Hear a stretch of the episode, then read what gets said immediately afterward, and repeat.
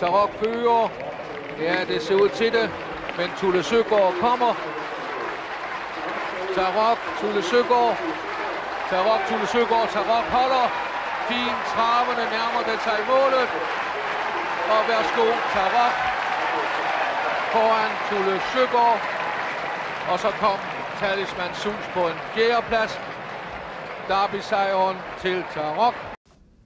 Velkommen til Travsnak i samarbejde med Travservice. På plakaten er del 2 af interviewet med Thomas Lindholm. Vi snakker om drivningsregler inden for galopsporten, propulsion, elite-loppet USA og er nostalgiske omkring Olivias sejr i Derby-hoppeløbet.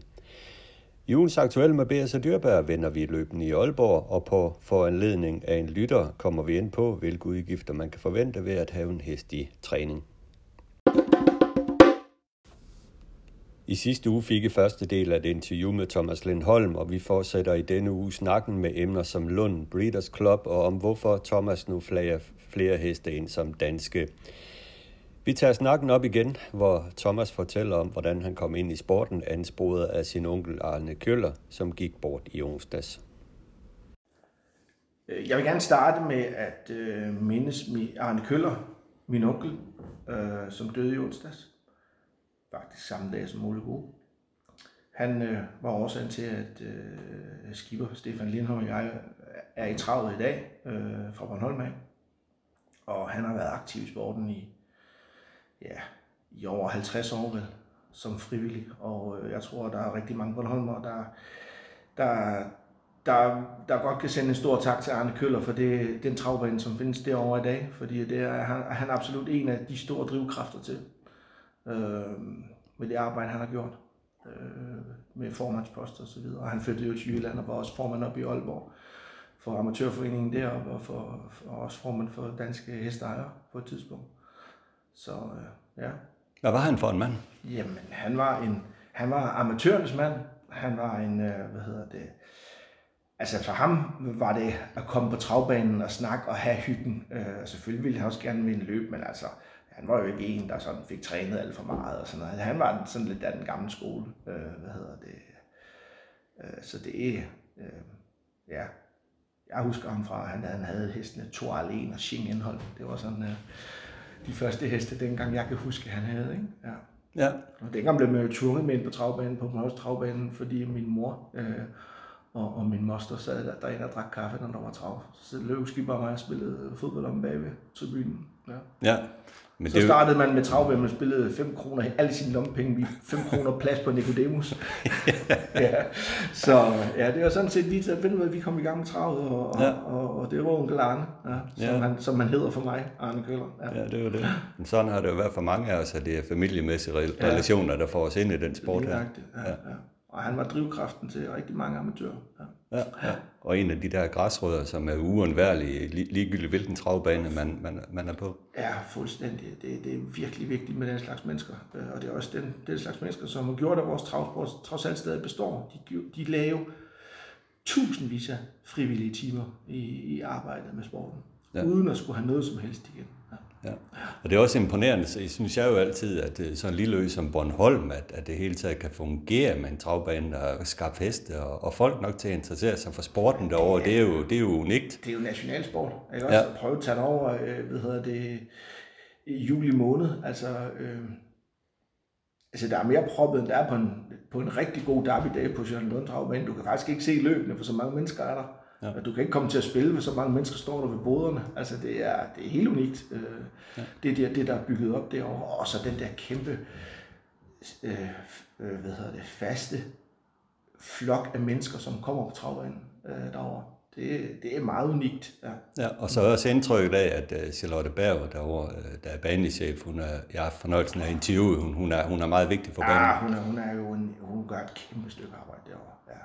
Og virkelig... Øh, også en af de der ildsjæle. Nu har hun selvfølgelig ansat for penge for det, men hun gør i hvert fald sit til for, at Bornholms Travbane den fungerer, og, og der bliver gjort noget over.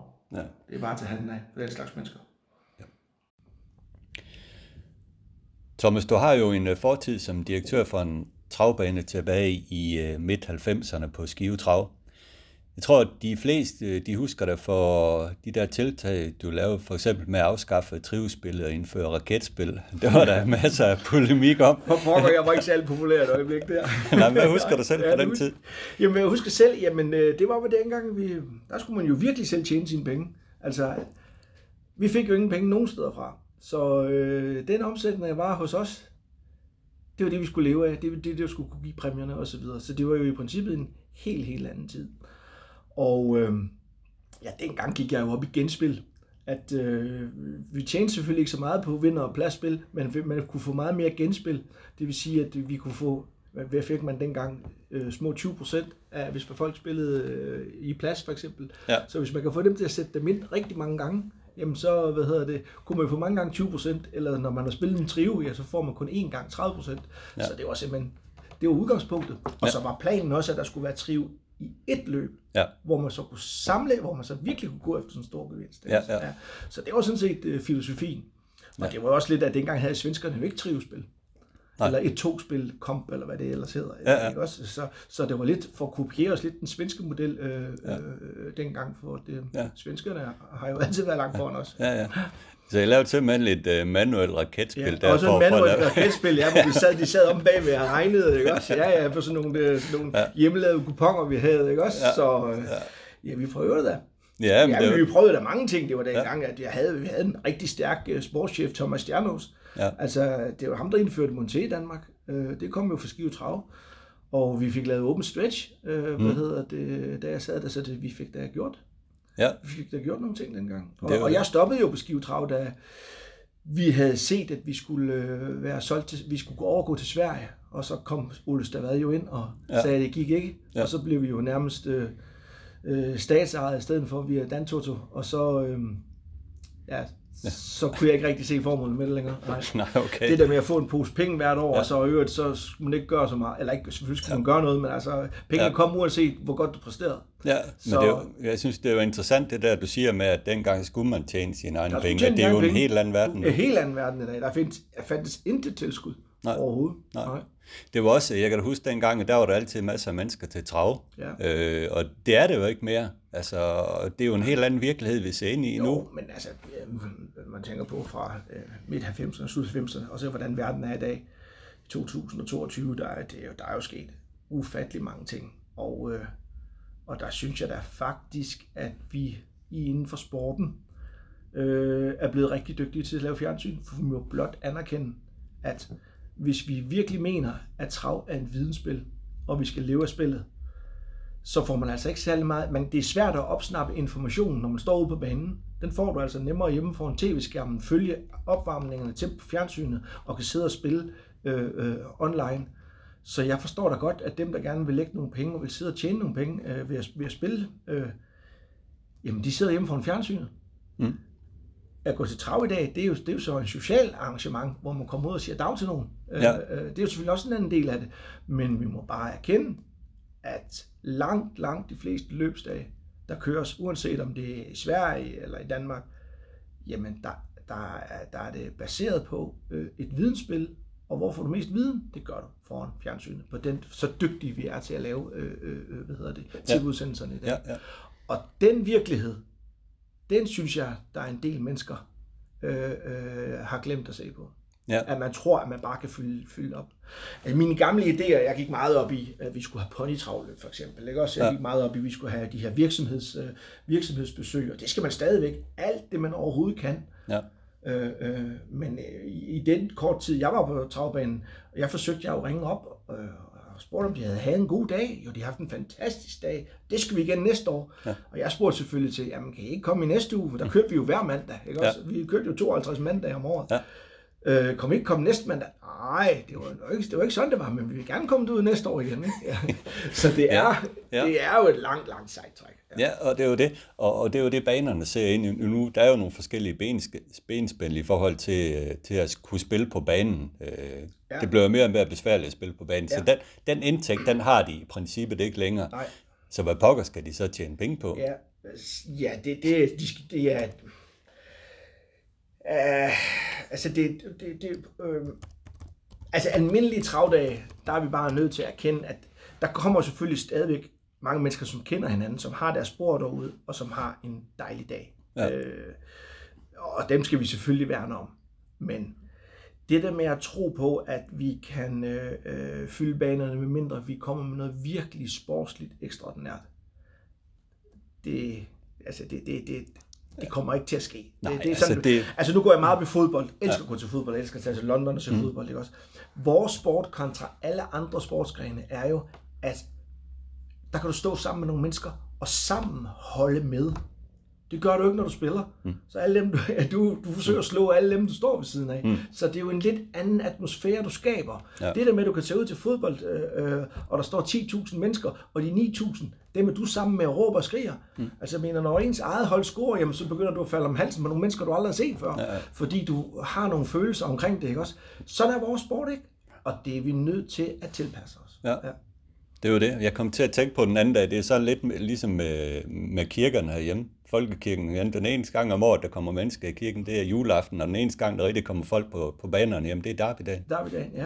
Ej, altså, jeg synes også, de, de, de runde dage, vi har, altså Jysk 4 jeg Grand Prix er en altså, fed, det er jo dag, det er altså. selvfølgelig an. bare- Altså, de almindelige Ja, søndage, altså ja. Mm. i kirken, der kommer der ingen mennesker. De almindelige Ja. travdage, jamen, der kommer der heller ikke rigtig enten lige den lokale menighed, Ja. kan man sige. Ja, men, men skal, skal vi sige, at øh, øh, det, det, man eventuelt kan bruge sporten til, og der, der har Fyn jo virkelig gjort det godt øh, de sidste år, og det er jo at udnytte de, deres gamle fredage. Det der med at komme til en fyraftensøl ja. og mødes med nogen, og stå og spille lidt, og så øh, tage hjem igen. Ja. Fordi der har du både det sociale, og du kan stå og spille. Ja, og så har de det der sponsornetværk op at køre. Jo, jo, jo. Ja. Men, øh, Og de altså, ting. jeg har jo efterlyst lidt sådan det der, når vi har haft vores fredag, det der med, havde jeg vidst, at der var et par eller fem af mine kammerater, som stod ude i baren en eftermiddag, hvor man kunne tage ud og drikke en eller to øl, og så køre ja. hjem igen, jamen så kunne jeg også komme ud på travmanden. Ja, Ja. ja. Hvis, der, hvis der havde været den der Ja. ja. sociale del i det, ikke også? Ja. Ja. Jeg i hvert fald kommet der oftere. Ja. Det er jo det. Men hvis jeg vil spille, Ja. så er jeg nødt til at sidde hjemme for et fjernsyn. Ja, det er jo det. Ja, det er altså, du ellers, så, ellers er jeg i princippet ikke særlig seriøs. Ja. Nej, nej, det er fuldstændig korrekt. Men, men igen, der er jo stadigvæk et problem for banerne med at tjene penge. Altså, de kan ja. Ja. søge nogle sponsorater ja. Ja. forskellige ting osv., men dybest set, øh, så eksisterer de jo ikke uden et tilskud. Nej, så, det, det så, gør de. så er de færdige. Ja, det er jo, det, det, det kan, man selvfølgelig skal der, altså man skal selvfølgelig tjene på spillet, ikke også? Og så, øh, så kan du sige, at pengene ryger i en stor samlet pulje, hvor de så deles ud, ikke også? Altså banerne skal jo være der, for ellers skal vi ikke drive det. Ja. Man kan så spille spørgsmålstegn ved, om der skal være så mange baner. Mm. Øh, øh, det, det, øh, den diskussion, den er, den, den, den er svær at gå ind i. Ja. Men jeg vil gerne knytte en kommentar til det der med de store, store øh, hvad hedder det, dage. Du kan se, at svenskerne har allerede til elitloppet sat en maksimumsgrænse til, øh, til, hvor mange der må komme ind. Og de siger selvfølgelig, det er, fordi man vil lave bedre øh, publikumsforhold. Mm. Men jeg tror faktisk, de er rigtig, rigtig bange for, at der faktisk ikke kommer så mange mennesker. I forbindelse med, et, øh, med øh, coronaepidemien, der har det bare gjort, at folk er blevet mere og mere vant til, til at sidde hjemme. Ja. Så de har set skriften på væggen. Ja. De har så gjort det smarte ved at sætte et, et, et, et, et max på, og så er der faktisk chancen for, at der kommer flere. Ja. Flere, der køber billetter forud, Ja. fordi at det skal de i hvert fald ikke gå glip af. Ja, jamen jeg tror, du har en pointe i det. Jeg så faktisk så sent som i dag, Anders Malmroth, øh, sportschefen deroppe på Solvalde, var ude og sige, øh, kom nu til Solvalde, der er stadigvæk billetter at købe. Mm. Så det er jo ikke fordi, de bare er for, forsvundet som du for solen, de billetter der. Nej, nej, nej. Så det, så det, det, det er meget, altså, og så er det selvfølgelig også, altså det tager lige 200 kroner for at komme ind. Og, og, Ja, det kan og, vi ikke godt. Nej, nej, okay. Og så, hvad hedder det, og så er der nogle, øh, altså, nogle forskellige gode, øh, gode ting deroppe. Altså, Ja. Fordi at man kan jo man, altså, når man står på publikum, publikumspladserne op på Solvalg en søndag, der er ikke meget travlt, man ser. Det må vi bare erkende jo. Altså, det, det kan man jo ikke. Nej, man er der jo lidt for stemningen. Ja, ja, men er for stemningens skyld, Ja. ja. og, og, og, og så man kan da komme ned rimelig tæt på og se de der fantastiske smukke heste. Altså, Ja, ja, ja. ja. Altså, men selve det at kunne se selve løbet, ja. det er svært. Ja, det, det gør man meget bedre gennem fra en tv ja, ja, ja. så, så det. Men, men øh, noget, der har været debat, til debat længere hjemme i Danmark, det er også Charlottenlund øh, travbane øh, og de, alle de ting, der sker omkring den der bane. Øh, der er jo ingen tvivl om, at de har en stor voksen opgave i at drive den videre ud fra den præmis, de har nu. Det er jo det, ligesom det, de har stemt for. Men hvad synes du, der skal ske med Lund? Jamen, jeg har også, jeg ytrer mig ellers aldrig på Facebook, men der har jeg godt nok ikke kunne lade være med at øh, give min mening til kende. Altså, øh, som jeg sagde før, jeg tror jo ikke på, at man kan få en eller anden publikumstilstrømning til banerne. Jeg tror heller ikke på, at Lunden i forhold til de konkurrenter, der ligger i København, kan tiltrække nogle mennesker ved at foretage sig et eller andet form for events. Altså, det, det har simpelthen ingen chance. Nej. Og hvis det er korrekt, at man kan sælge området, øh, og så lave et, øh, lave et, et nyt træningscenter, hvor unge mennesker, hvor man, hvor man kan starte i godsøjne nærmest helt forfra, hvor unge nye trænere kan komme til. Så øh, er det, altså, i min verden er det, er det vejen at gå. Og jeg om nogen begræder, øh, hvis så frem det fald, at øh, Lund lukker, fordi det er også en af mine hjemmebaner. Jeg kommer fra Bornholm og havde nogle af mine første fede mm. øh, hestesportsoplevelser, travoplevelser på Lunden. Altså, så det er da, jeg elsker den bane. Ja. Men vi kan ikke leve af nostalgi. Ja, nej, men det er rigtigt, men, men et eller andet sted, og det, det har jeg også nævnt før i de her podcast, det er jo, jeg synes, det er lidt underligt, altså, okay, tilskuerarealerne og de der gamle bygninger osv., de, de kan diskuteres, men der findes vel ikke en bane herhjemme i Danmark, hvor det er bedre sævedløb. Altså nærheden til hesten er fantastisk. Nej, ja. Øh, du har et fantastisk stallområde osv. Banen ligger i et område, hvor der bor masser af mennesker. Ja. Hvorfor pokker er det, det ikke kan lade sig gøre at tiltrække de, nogle af de mennesker for det, for det dreven? Altså det er det, jeg synes, der er mærkeligt. Ja, det, det, det, kan jeg give, det vil jeg give det ret i, men ja. jeg, har, jeg, jeg kan ikke se, hvordan det skulle lade sig gøre. Mm. Øh, det, det kan jeg ikke. Altså Klampenborg, gør det faktisk lidt bedre, ikke? Jo, de, de der er mange faktisk, mennesker. Der er mange, de kan magter faktisk at få folk ud, ja. men det er jo ikke som sådan, de spiller store, vel? Men mm. de har jo så også bare nogle endnu bedre vilkår. Der kan du ikke se hestene, men der kommer der ud en skov, ja, ja. og når solen skinner, og det, er det. Og, og det er bare rimelig ja. varmt, så er det, jo et, ja. det er jo et fantastisk område. Og ja. det kan måle, Lunden jo ikke måle sig med. Nej. Du måler den ud fra at være traventusiast og kunne se løbende, ja. og du synes, det er fedt at gå op ja. på den øh, åbne tribune, eller hvad det nu ja, ja. er, og se løbende, ikke også? Ja. Altså, der er Lunden jo fantastisk. Ja. Men at få den indsigt, som vi to sidder med, forstå en hest, og så tro på, at du kan få alle dem, der bor i København, til at få nogenlunde indsigt. altså, det, det, det, er jo, det, det, det, det kommer jo ikke til at ske, vel? Nej, men hvad er det, vi kigger ud i så, med, med, hvis der nu skal bygges en ny bane? Er det så, at man prioriterer, hvad skal man prioritere? En fin ny bane i 14 meters, 13 meters bane og så videre, så nedprioritere tilskuerarealerne, fordi at... Øh... Det, det, det, tror jeg desværre nok, at det, det er sådan, ja. sådan det skal være. Det tror jeg, altså, ja. og så, så vores, vores hvad hedder det, vi kan ikke bygge for mange, mange millioner, hvis vi en enkelt gang er uheldige, at det regner.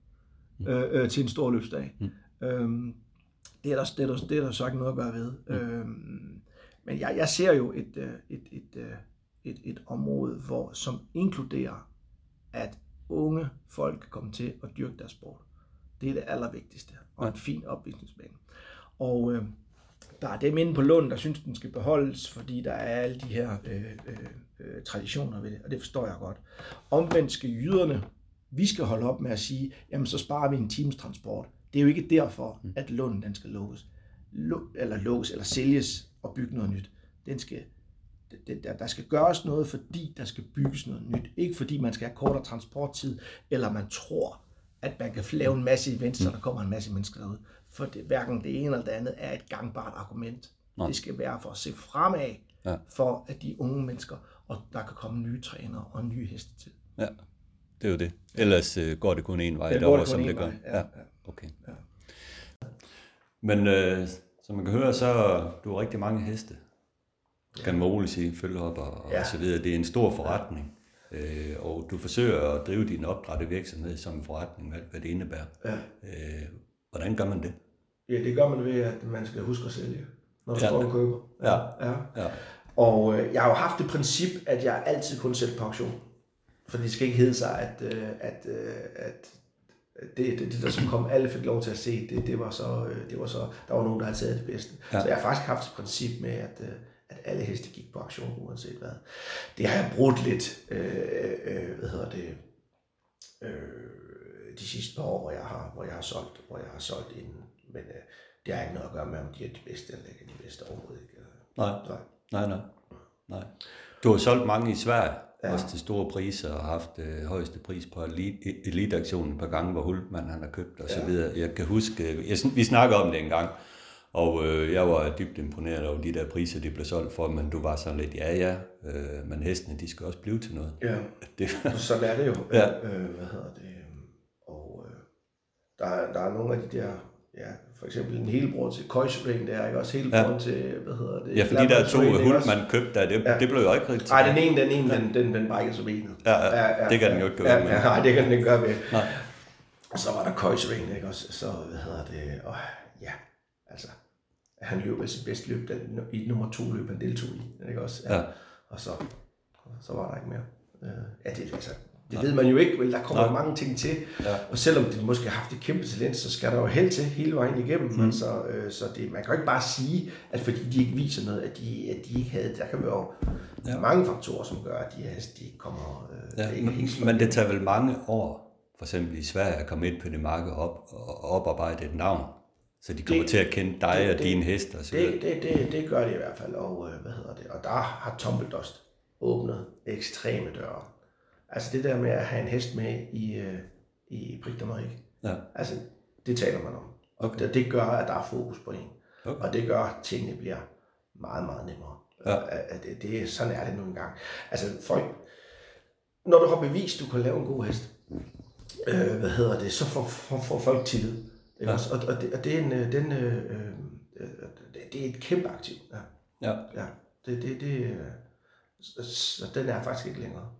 Ja. Nå, for det, det er jo så dyrt, det her. En ting er at anskaffe, den anden ting er at så finde ud af, om den så dur. Det koster også rigtig, rigtig mange penge. Ja, ja.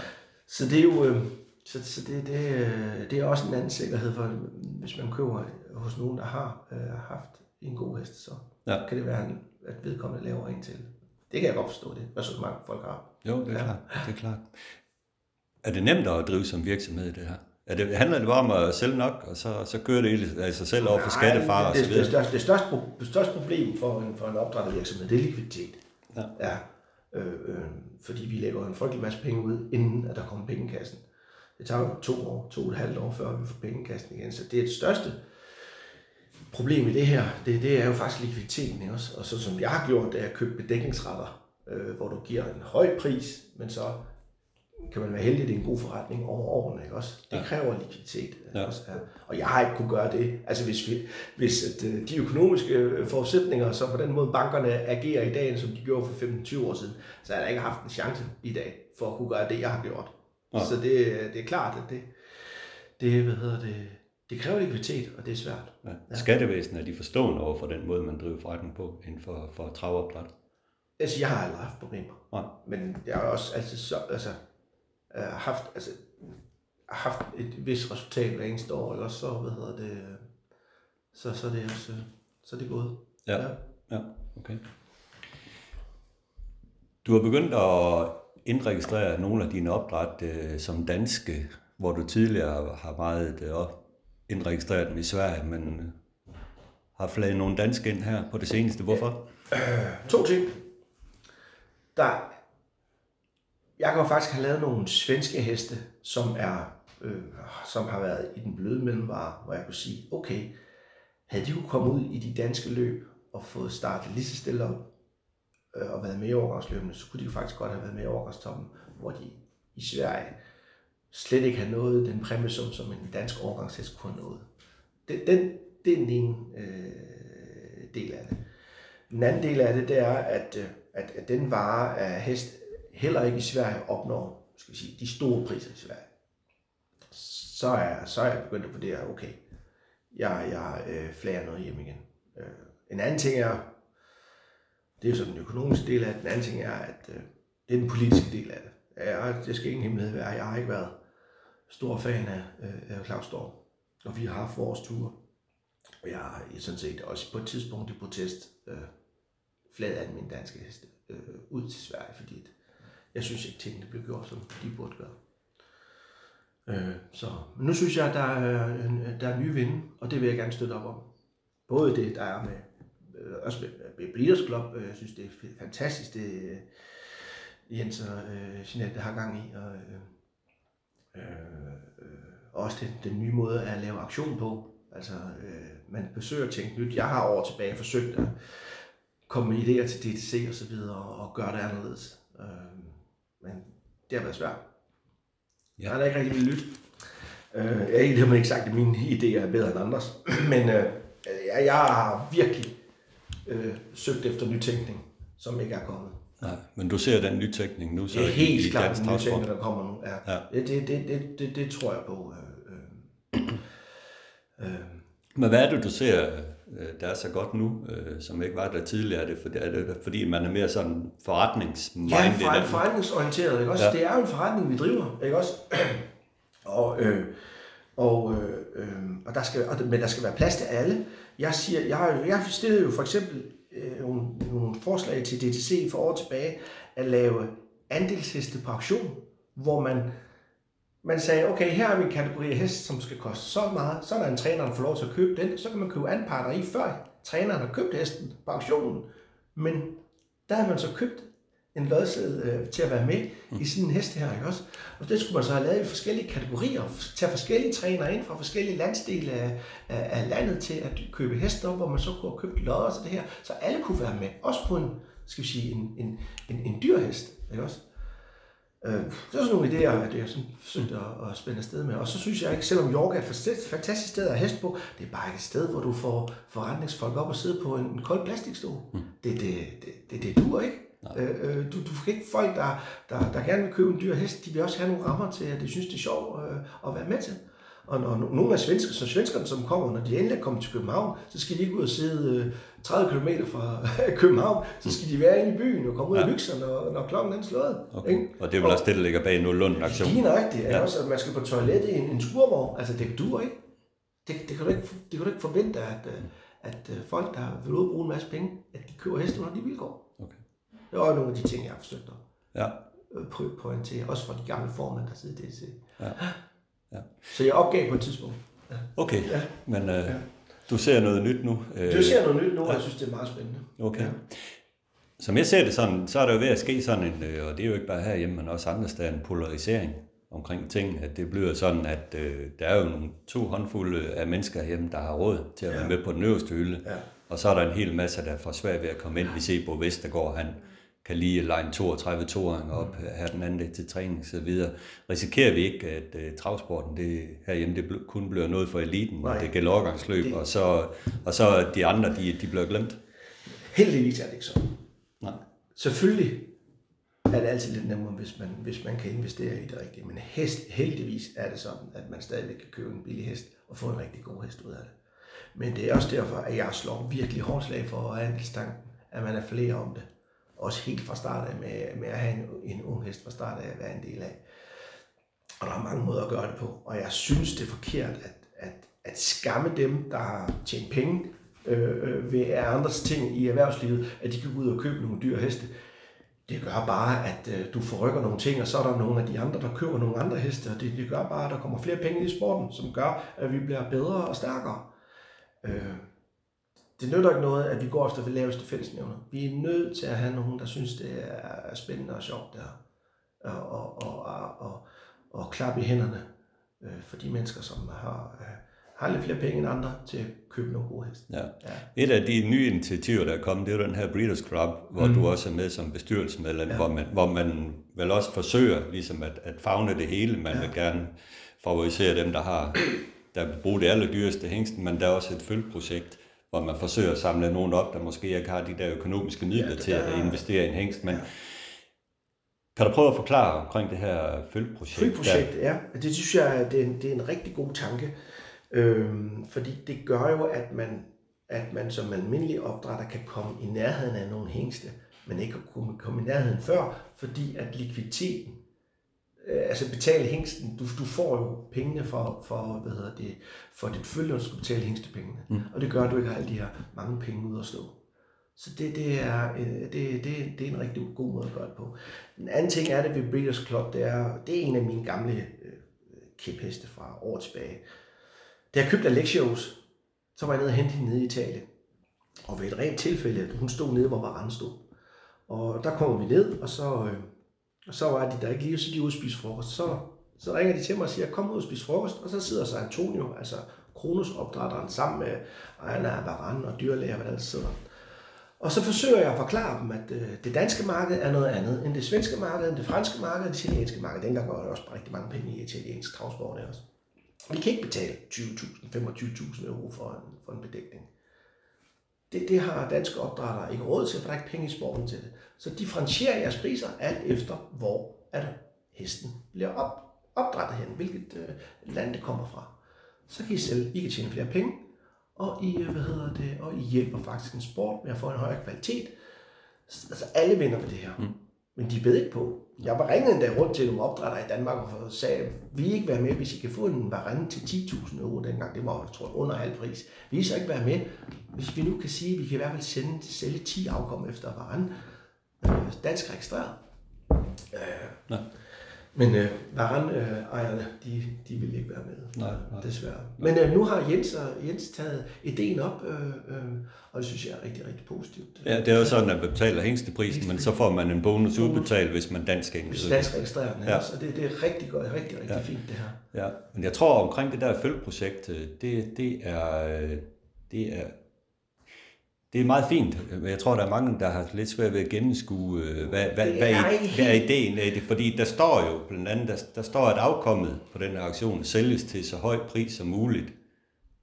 Jo højere pris, jo større gevinst for opdrætter, men der er også defineret det her med, øh, en, en, en, med en lav pris, så holder man hånden under opdrætter, ja. Hvad er en lav pris? Ja, det, det er så ikke defineret nu. Nu skal vi have bestyrelsesmøde her Ja, i forbindelse med jeg tror, det er vigtigt at få det præ- hvor vi- præciseret. Hvor vi, hvor, vi, hvor, vi, hvor vi så skal præcisere det lidt, øh, Ja. lidt bedre, ikke også?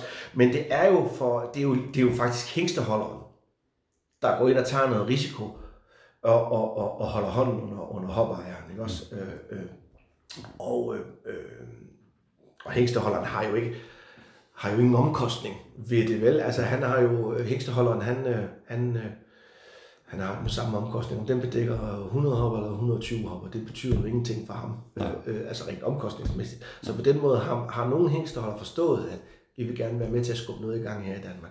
Hvordan det helt præcis bliver med følgeprojektet, det tror jeg, vi bliver lidt klogere på, når vi har haft bestyrelsesmøde nu her. Okay.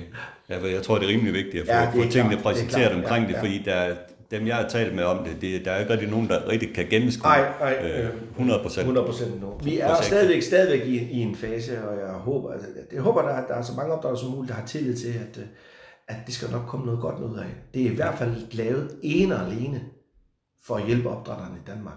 Ja. Det, det er ingen, der tjener noget på det her, udover at lave lave brugt en frygtelig masse frivillig arbejdsindsats for, for at skubbe noget i gang. Ja. Så det, det er bare at tage hatten af for, Ja. for det, Jens er gang i. Ja. Du har godt været inde på omkring det her med aktioner, hvor vigtigt det er, at de, at de bliver sat godt op. Der, trenden er jo også nu, at man laver online aktioner, Ja. hybridaktioner osv., hvor man, hvor man kan byde online. Hvordan ser du på det? Det ser jeg meget positivt på. Øh, hvis, hvis covid-19 har hjulpet os med noget, så er det i hvert fald at få udviklet, udviklet vores aktioner, og øh, jeg ser stort potentiale i, at man, øh, at, man at, at alle kan være med. Ja. Hvorfor, skal man, hvorfor, hvorfor skal man absolut være der? Hvorfor skal man ikke?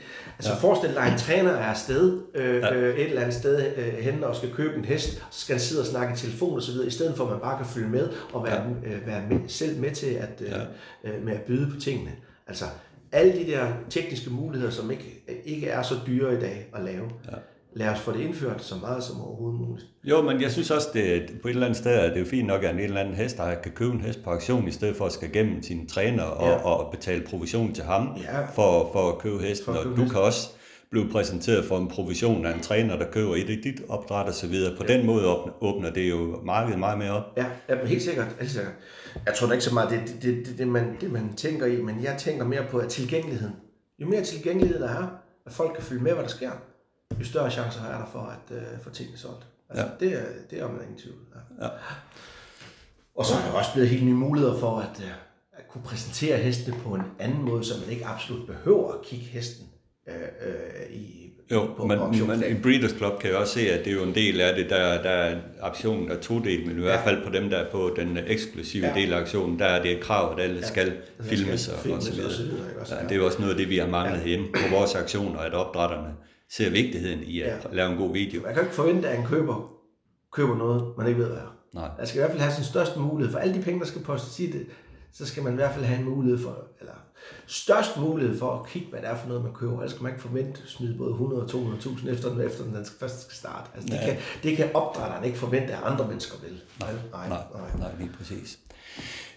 Øh, Thomas, vi er ved at være til, til vejs ende, øh, og øh, Jeg kunne godt tænke mig at høre, sådan, øh, hvad er egentlig været din bedste heste indtil videre? Er det Tumble Dust, som har, som har givet dig det meste? Ja, det er helt sikkert.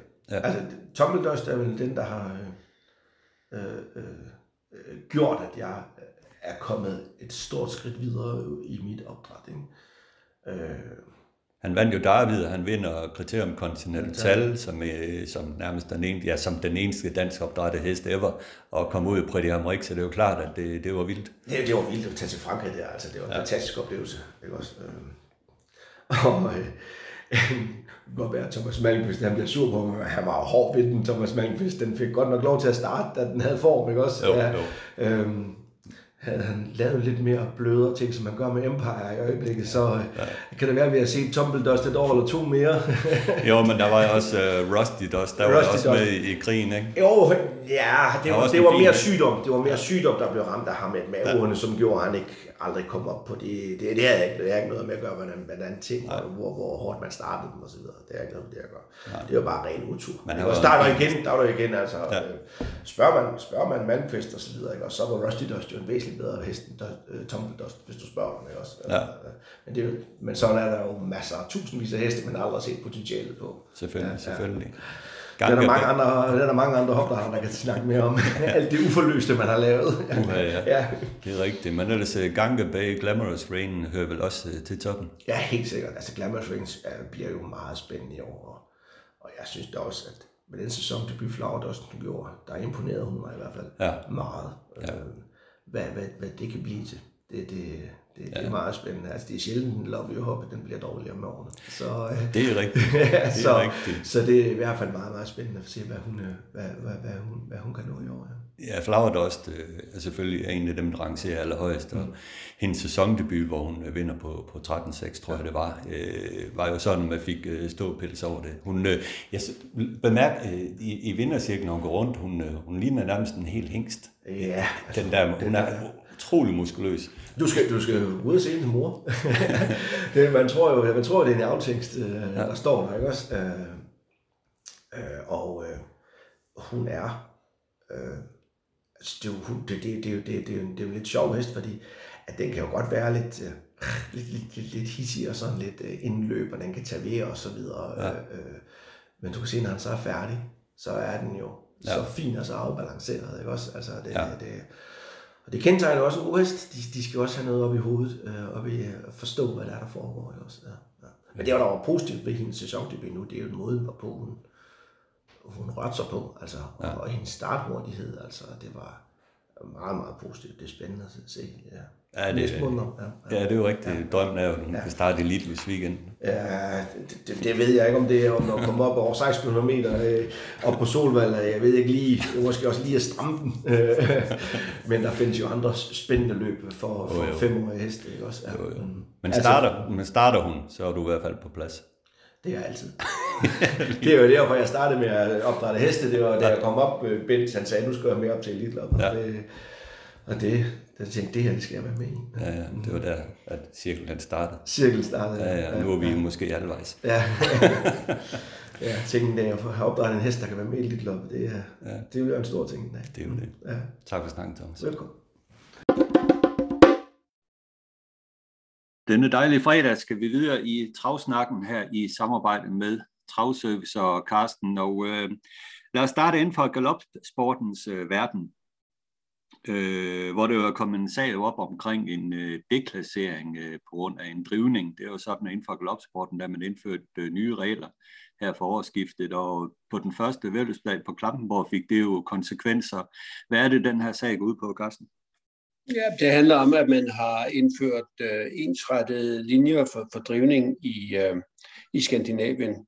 I Norge, øh, det er med udgangspunkt i de norske regler, hvor man i Norge øh, har haft forbudt øh, brugen af pisk i løb.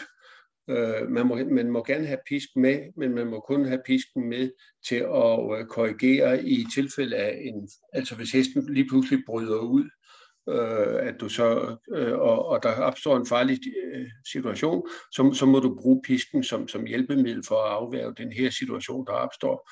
Øh, men, øh, men i en opløbskamp, skal du sidde stille og roligt, du skal være helt nede over hesten og, og drive den. Du må ikke, man har udviklet en, en, øh, en, øh, en måde at drive på også med, hvor man bruger tøjlerne til at, øh, at slå med, og det må du altså heller ikke gøre mere.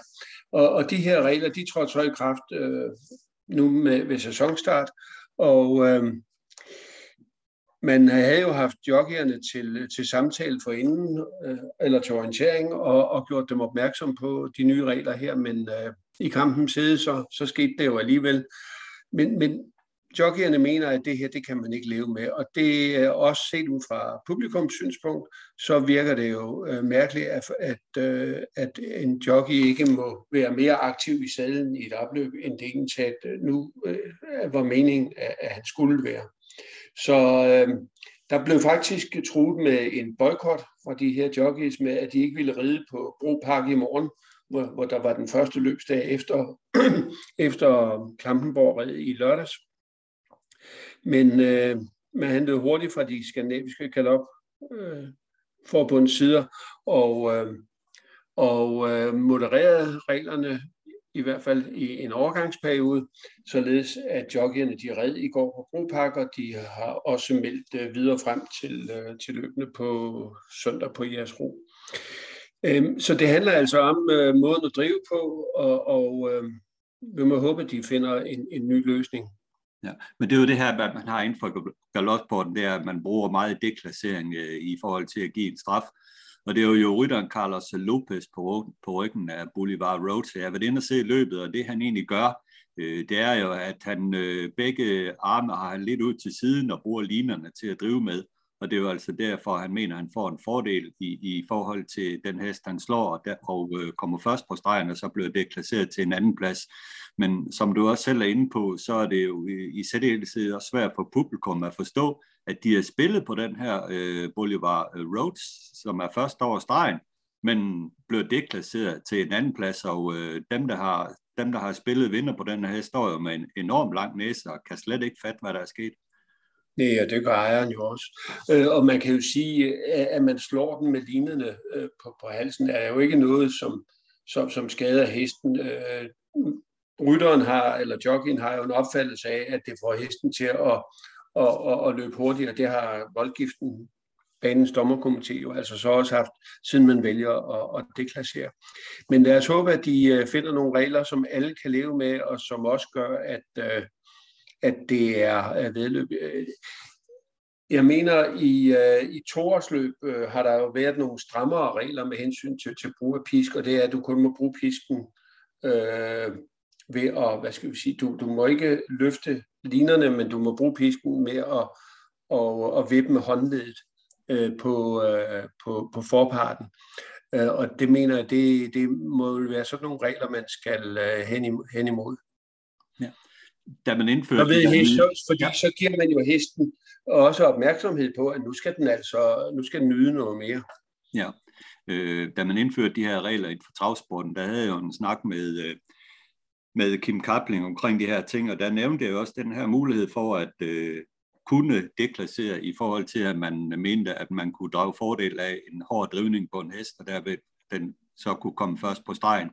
Øh, og han erkendte jo selvfølgelig problemet, men det er jo, jeg tror ikke, det er noget, der, der er på plakaten herhjemme, og jeg har også talt med nogle aktive omkring det. De er selvfølgelig også meget modstandere af en, af en sådan deklassering, men altså, jeg synes jo, det er reelt nok, at hvis du har to øh, kusker, der driver øh, hoved, hoved, øh, der, der kører hoved, hoved med deres hest op mod mål, hvor den ene han forsømmer sig kraftigt mod øh, lovgivningen og driver hårdt på sin hest og vinder med en mule, øh, hvor øh, 18 hestens kus er bummestille. Hvad skal man så gøre i den forbindelse? Er det, er det okay bare at nøjes med at give en øh, bøde udelukkelse til, til kusken, eller skal der hårdere midler i brug? Det er jo, det er jo et udmærket, altså det kan man jo godt tage op. Ja, og det må jeg jo øh, kunne følge dig i, øh, at hvis en, øh, hvis en kusk virkelig lamper til den, øh, og vinder øh, på det med en, en mulespids, og øh, konkurrenten sidder stille og roligt, øh, jamen så, så har han jo opnået en fordel og, og, og bør deklassere sig. Jeg synes jo, det er glimrende, at vi har fået indført den her deklasseringsregel i, i travsporten, fordi jeg synes endda, at man skulle gå videre, for, for uh, hvis to hest ligger og kæmper, og den ene galopperer i, i kampen hed, ja, så mister den totalt sin, uh, sin, uh, sin præmie.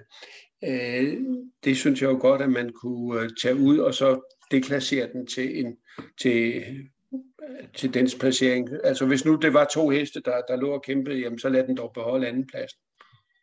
Ja, det er ikke noget med USA, der hvis man, hvis man galopperer i opløbet, så kan man blive flyttet længere ned i resultatrækken, men stadigvæk få en præmie. Jo, altså i USA, der, der, der har de faktisk slet ikke noget, der hedder diskvalifikation for galop. Jeg har set, øh, hvad hedder det, John Campbell et år øh, kørt øh, en, et, en qualifier med en hest, der galopperede de sidste 800 meter, og også over mål, og den fik noteret tid, ikke? Ja, det kan man så diskutere uh, rigtigt. Ja, det var, det var, det var helt grotesk. Ja. Det var helt grotesk. Ja. Men altså inden for galopsporten, der var det jo altså de her jockey-trænere, der de troede jo med en direkte boykot af løbende, og det fik jo så også uh, galoporganisationerne til at reagere og ligesom sparke den her til hjørne, og man vil kigge på det. Men der har også været øh, lidt rumlende øh, i kroner inden for travsporten øh, i forhold til, at der er nogle trænere, der ønsker en boykot af Lund. Øh, det har der jo været øh, voldsomt tal, meget tale om i kulissen. Øh, ja, det hører man jo i hvert fald på vandrørene, men jeg har jo så også hørt, at det ikke øh, blev, eller man kunne så se, at det blev ikke til så meget, men, men det er da klart, at der kan der godt være nogle, hest, nogle trænere og hestejere, som siger, at vi ønsker ikke at bakke op omkring øh, uh, Charlotte Nund Travbane og start, medmindre at det lige er helt specielt løb, øh, på grund af at, øh, at den situation, der er omkring øh, på banen, og det er jo igen så øh, det her med, skal Charlottenlund Travbanen vedblive med at være på Charlottenlund? Eller Jamen det er jo det, og der er jo også nogen, der har haft nogle synspunkter, der, der sidder i bestyrelsen i, i forhold til det. Det er jo også en øh, kendt sag. Men øh, i hvert fald øh, inden for globsporten troede man med boykot, og også inden for travsporten har de aktive øh, troet med, med boykot. Og, øh... Jo, men man kan jo sige, at galoppens øh, boykot, den var jo mere til at, til at tage at føle på, fordi der, der kom direkte et, et åbent brev fra jockeyerne. Øh, den der med, med træner og, og boykot mod Charlotte Lund, det, det skete vist for, i et lukket forum. Ja, det skete i et lukket forum, og det er noget, der er sket øh, i, i, i bagved i trænerforeningen, som, som, hvor, man har, hvor man har kigget på de her ting. Men, øh, men øh, lad os se, om det, det bliver til noget. Det tror jeg nu ikke, det gør, ligesom det står lige i øjeblikket. Det er altid bedre med forhandlingens vej. ja, det er jo det. Det er, det er meget bedre. Hørte du det, Putin? ja, det er rigtigt. Nå, lad os øh, skifte blikket til, øh, til Sverige, hvor øh, den her sag med Daniel Redén og på den har fået sin øh, afgørelse i en Domstol har kun gjort, at Redén fik skærpet sin straf fra, fra med sit træneransvar til også at få en øh, bøde på 100.000 svenske kroner.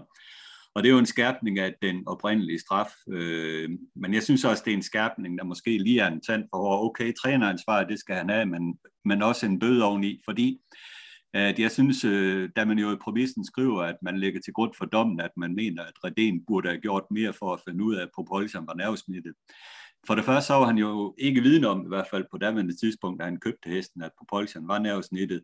Og øh, administrationen i svensk travsport fandt jo heller ikke de oplysninger, da hesten blev importeret til Sverige, og da det blev godkendt. Så jeg ser det et eller andet sted sådan. Jeg synes, det er okay det er med træneransvar, men jeg synes ikke, det er okay, at han får en øh, skærpende straf på 100.000 svenske kroner. Det, jeg synes da i særdeleshed slet ikke, det er okay, at svensk travsport og de ansvarlige der øh, ligesom tør det hele af på Reden. Jeg synes egentlig også, at de burde stå til ansvar for deres øh, dårlige arbejde i, i den her sag. Jeg ved ikke, hvordan du ser på det, Carsten? Nej, jeg ved ikke, men øh, øh, man kan jo sige, der gik jo rygter øh, om, øh, om øh, at hesten skulle have været nervesnit på et tidspunkt, og, og Reden havde dyrlæger ude, øh, Øh, og, og man undersøgte den og, og fandt, at der var følelse i hoven, eller hvad ved jeg. Men der kunne man måske have sagt, øh, jamen Redin skulle jo så også have, have tjekket hos øh, USTA, om den måske stod øh, som nervesnittet på, på det tidspunkt. Og så tror jeg da også, at øh, den bødes størrelse øh, er vel afhængig af, øh, sådan har det i hvert fald været med andre bøder, der bliver idømt inden for travsporten, at øh, hvor meget har den pågældende øh, træner øh, kørt ind, og så er det en procentdel af det. Så, så det, det, det skal jo nok ses øh, med baggrund i det, at han har jo kørt mange penge ind hvert år. Ja, ud af de der 26 millioner, som man skulle betale, tilbagebetale i, i de penge, den er tjent i Sverige, der er de så afdraget de 18 millioner på, på nuværende tidspunkt, og øh, er jo så godt på vej til at afdrage det fulde beløb, fordi at øh, Redens og Stalsæt heste, de, de tjener rigtig mange penge. Men en anden vigtig ting, som, øh, som efterfølgende kommer frem, det er, det, det læste jeg et interview med, øh, med chefred, chefredtræneren for det norske travforbund. Hun, øh, hun udtalte et interview, at i USA der er det træneren eller ejeren af en hest, som, øh, som har ansvaret for at øh, oplyse til amerikanske travforbund, at hesten er blevet øh, nervesnittet, øh, så det der vil blive registreret. Det er altså ikke dyrlægen, der udfører indgrebet, det er træneren eller hestejeren. Og det betyder vel et eller andet sted i praksis, at man ikke kan være 100% sikker på, at indgrebet ikke er lavet, selvom der ikke står om det i papirerne. Og her må det jo så igen være op til den ansvarlige træner at sikre sig, at hesten ikke er nervesnit, og det kan man jo kun så gøre ved at kontakte træner og ejer af hesten og sikre sig et tro- og lovbevis på, at hesten ikke er nervesnittet. Det må jo sådan, øh, det er, og det var i hvert fald øh, nyt for mig det her med, at det er træneren eller hestejerens ansvar i USA at oplyse til forbundet, at hesten er nervesnittet, ikke dyrlægen. Ja. Ja, Øh, men, men, øh, men øh, hvad hedder det, lige så vel som en dyrlæge kan glemme at sende sådan en attest ind, kan vel en træner eller hestejer også gøre det? Ja, lige præcis, og øh, man pokker ved, om en hest er nervesnit eller ej, og øh, i sidste ende er det jo træneren, øh, der står med hesten, og det er jo i hvert fald slået fast med syv, syv sommer tøm nu, at øh, det er ham, der har ansvaret. Og hvad med de heste, der kommer fra USA og starter her i Europa? Øh, hvordan skal man lige tjekke op på dem, om de er nervesnit eller ej? Ikke? Det kan jo også blive en sag ud af det. Og hvem bærer ansvaret for en hest, hvis den skifter træner øh, i Europa? Øh, det er jo også en anden ting. Så jeg synes, der er mange spørgsmål i det her, som, øh, som kræver, at øh, man kigger lidt nærmere på det. Jamen, det er jo altid farligt at købe en hest øh, fra, fra et andet land. Øh, og nu øh, snakker vi lige nervesnitning, men, men hvad med behandling af anaboliske steroider?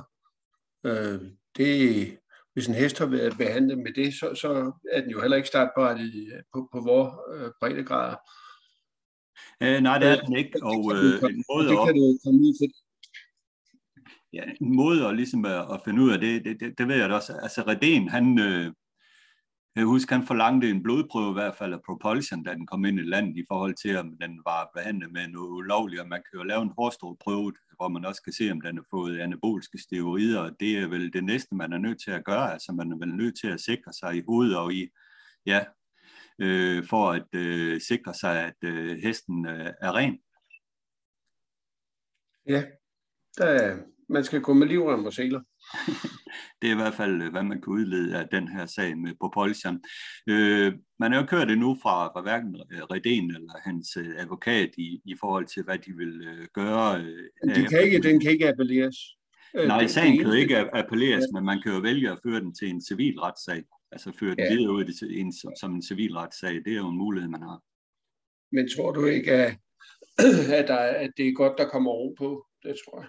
Jo, men det er helt bestemt. Man, man, man, man ved jo ikke, hvordan de har det med sagen, om de kan bære, altså om Reden, han kan, han, han øh, kan leve med, med den her dom, der er kommet. Yeah. Men uanset hvad, så, så går travlivet jo videre, og øh, øh, elitloppet, det stunder her om en god morgens tid, og må ikke øh, Anders Malmroth, han har blikket stift rettet mod weekendens løb. Øh, der er jo et løb i, i Frankrig, øh, først og fremmest Karsten, som, øh, hvor to øh, elitløbs udtagende heste er til start. Ja, det er jo øh, lørdagens Prix Atlantik, hvor Etonang og øh, Vivid Weiss de mødes. De mødtes jo øh, for en god måned siden på Cannes hvor Vivid Weiss jo var storfavorit til at vinde en ny sejr. Øh, den var indtil den dag øh, ubesejret på, på øh, Cannes Men Etonang slog den, og nu mødes de så igen. De mødtes faktisk i det her løb sidste år også, og der vandt Vivid Vaisas, altså lørdagens løb her på det Atlantik over 2150 meter auto på, på Angen. Øh, og nu mødes de så igen nu her, på, og det bliver da interessant. Det gør det i hvert fald, og så er der jo Extreme, der starter på lørdag på Halmstad i gulddivisionen, øh, gør også en interessant start der. Spændende at se ham igen. Ja, Øh, og så er der jo øh, i USA, der har vi jo så, eller i Canada, der har vi jo i aften, der starter den der Perfetto, øh, den kanadiske, der er indbudt, øh, og øh, den, øh, skylder jo nok lige at, at, at vise, at den har elitlopsklasse, men nu er den i hvert fald indbudt. Og på lørdag, der starter Back of the Neck øh, med, med Åke Svanstedt på, øh, på, på, på, øh, på, på Middlelands. Ja, han starter i et åbent trådt hurtigt klasseløb back of the neck, der øh, har været ude i en qualifier, hvor den øh, gik øh, 10, og nu er den jo altså start klar. Øh, omkring lige Frankrig, der skal vi lige øh, have med, synes jeg, at First Blood øh, starter anden gang i Basirs regi Angien, også på lørdag. Jeg så den jo der på Vincennes for Jean-Michel øh, ned ad bakken. Øh, gik det meget hurtigt for hesten, og der mistede den ligesom travlt, da han tog lidt op i den. Og han, øh, først blev er ikke den første hest, der har galopperet ned ad bakken i 0,7 tempo. Øh, det skal de lige vende sig til. Men First Blood så super fin ud, og øh, kan I nå det, når I hører det her, så spil hesten på lørdag på Angien. Jeg tror, den vinder øh, ganske let. Det er mit indtryk af hesten i hvert fald. Uh, altså, øh, hvad hedder det? Basir har jo sagt til, til Paris Turf, at den galopperede, fordi han blev nødt til at tage i den der ned ad bakken, og, og det, det klarede den ikke. Uh, og nu, nu er det så Nicolas Basir, der, der skal køre den. Men, men den, den møder altså en, uh, en meget skrab hest, der hedder Happy Bourbon, der har vundet i 1-10-1 på 2100 meter, godt nok på Vangsende. Uh, så uh, det er ikke noget walkover. nej, det blev det ikke. Det er helt sikkert. Men ellers, øh, Kasper Fod er det jo også øh, spændende med i øjeblikket øh, i USA, og fredag aften på Meadowlands, der starter han to heste, Epos Østervang og Sørman. Epos Østervang har jo vundet nu fire sejre i USA, mener jeg, og Sørman gik en fremragende qualifier og anden plads i sin seneste start, og må også stå med store chancer. Så hold øje med Kasper der fredag aften på Meadowlands med Epos Søstervang og Sørman. Det ser fornuftigt ud. Altså, det, er jo, øh, det er jo et eventyr med, med, øh, med, øh, med Epos Søstervang i, i USA, at det er gået så godt, som, som det er tilfældet. Ja, det, det, det, det, det er flot, ja. Ja, det er rigtig godt lavet. Altså. Men øh, det skal siges, at den her gang, hvor den, hvor den i sin sidste start øh, mødte heste, øh, som var ikke specielt gode, så den her gang så mødte den øh, væsentligt bedre modstand. Øh, men øh, lad os se, om det ikke går alligevel. Men ellers begynder det også at rulle på over i øh, USA nu. Øh, de, de første store løb øh, nærmer sig, og øh, kan man lige at se øh, lækre amerikanske heste, så skal man følge med i de qualifiers, der køres lørdag på Meadowlands. Der er blandt andet øh, Temporal, han over Jaya Bay, Periculum, Bella Bellini og en masse af Svansles 3 og 4 de er ude i qualifiers, der er lørdag på Meadowlands. Så det er alt sammen noget, man kan se øh, på YouTube, hvis man går ind på Meadowlands uh, YouTube-kanal. Så lækker, øh, spændende unge heste der at se på, på, på, i disse qualifiers. Og så lige en kort kommentar også til den der Perfetto. Øh, den er jo øh, to gange været kort som årets hest i Canada, men det er jo ikke en hest, vi har særlig stor respekt om, og øh, det er måske det, man mest af alt kalder for en flaghest nu, og det er jo den sjette udtagende hest, og øh, en hest fra det, det sjette, øh, sjette land i rækken. Ja.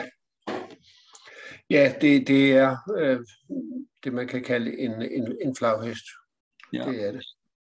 Kan Snowstorm, han over der vandt i går, være, være et emne, vandt jo sin første sejr i, i Redens uh, træning, øh, efter den har taget en par fine andenpladser? Ja, det øh, må man jo nok lige sige, at den, den, faktisk, den satte rekord, personrekord 1.09.8, da den vandt lejende lidt i, i går aftes på, på, på, Vance, på, på Solvalla. Og øh, det, det var jo en hest, den vandt uh, Kentucky Futurity i 2017, og så købte øh, uh, Stefan, Stefan Milander den. Men den, den, den har jo ikke rigtig tændt til uh, i hans regi, og så flyttede han så til uh, Daniel Redin sidste år, og uh, det gik vel heller ikke sådan mere end lige så, så til at begynde med, men uh, nu har han her i, mar- i, uh, i marts og april måned startet tre gange med to anden, og så uh, sejren her i går aftes, så så den, øh, den, det ser ud som om, at Snowstorm han over, han har tændt til. Absolut, og så er det også spændende at se Beats i sin Europadebut her på Ørebro egentlig de nærmeste dage. Øh, den er også øh, startklar, så det er jo også en af de heste, man forventer kan være elitløbsaktuel. Ja. Vi runder vores snak af i dag med lidt nostalgi. Dansk Hestevedløb har lagt et nyt godt gammelt løb op, var det for 91, Olivia Kanække, der vinder Hoppe Derby øh, fra spids. øh, hele vejen. Jeg kan huske, jeg så løbet dengang, at øh, jeg var overrasket over, at, øh, at, at hun vandt øh, Oliva Air. Jeg ved ikke, hvor meget du kan huske fra løbet efter... Nej, det må jeg indrømme. Øh, jeg kan huske, den vandt, øh, men øh, øh, det var jo øh, det, det var jo lidt af en overraskelse, øh, at, at, øh, at ikke kunne føre hele vejen med, med Oliva og så vinde. Og det er lidt meget sjovt med Oliva, fordi jeg kiggede lidt på, på afstamningen. For det første så var den jo efter Farokken, og Farokken den var efter Tarok. Øh, moren, Oliva øh, var som nævnt, øh, ja, Oliva, hun var efter Farokken, og, og hendes mor var efter det så der. Men når man sådan følger øh, hoppelinjen ned igennem, så kan du faktisk øh, gå helt tilbage til øh, Taxusgøl i 1907 øh, og finde danske, øh, danske hopper. Og, og, og mange af dem hen ad vejen er faktisk efter danske hængster også. Øh, Solo i 1952 efter Casino The Great Lykkepin, i 1965 efter Leo og Svalen fra 1971 efter Icaros, så kommer der så Desader fra 81 efter Des, øh, eller Hazardair fra 1981 efter Desader, og så Olivaer fra 87 ved, ved Farok. Så, så der er jo faktisk meget god, øh, da, godt dansk blod i, uh, i den hoppedarby vinder. Uh, Olivaer, uh, jeg ved faktisk ikke rigtigt, hvad hun så selv fik lavet senere. Var det ikke noget med, at hun fik to afkom senere? Noget stil? Ja.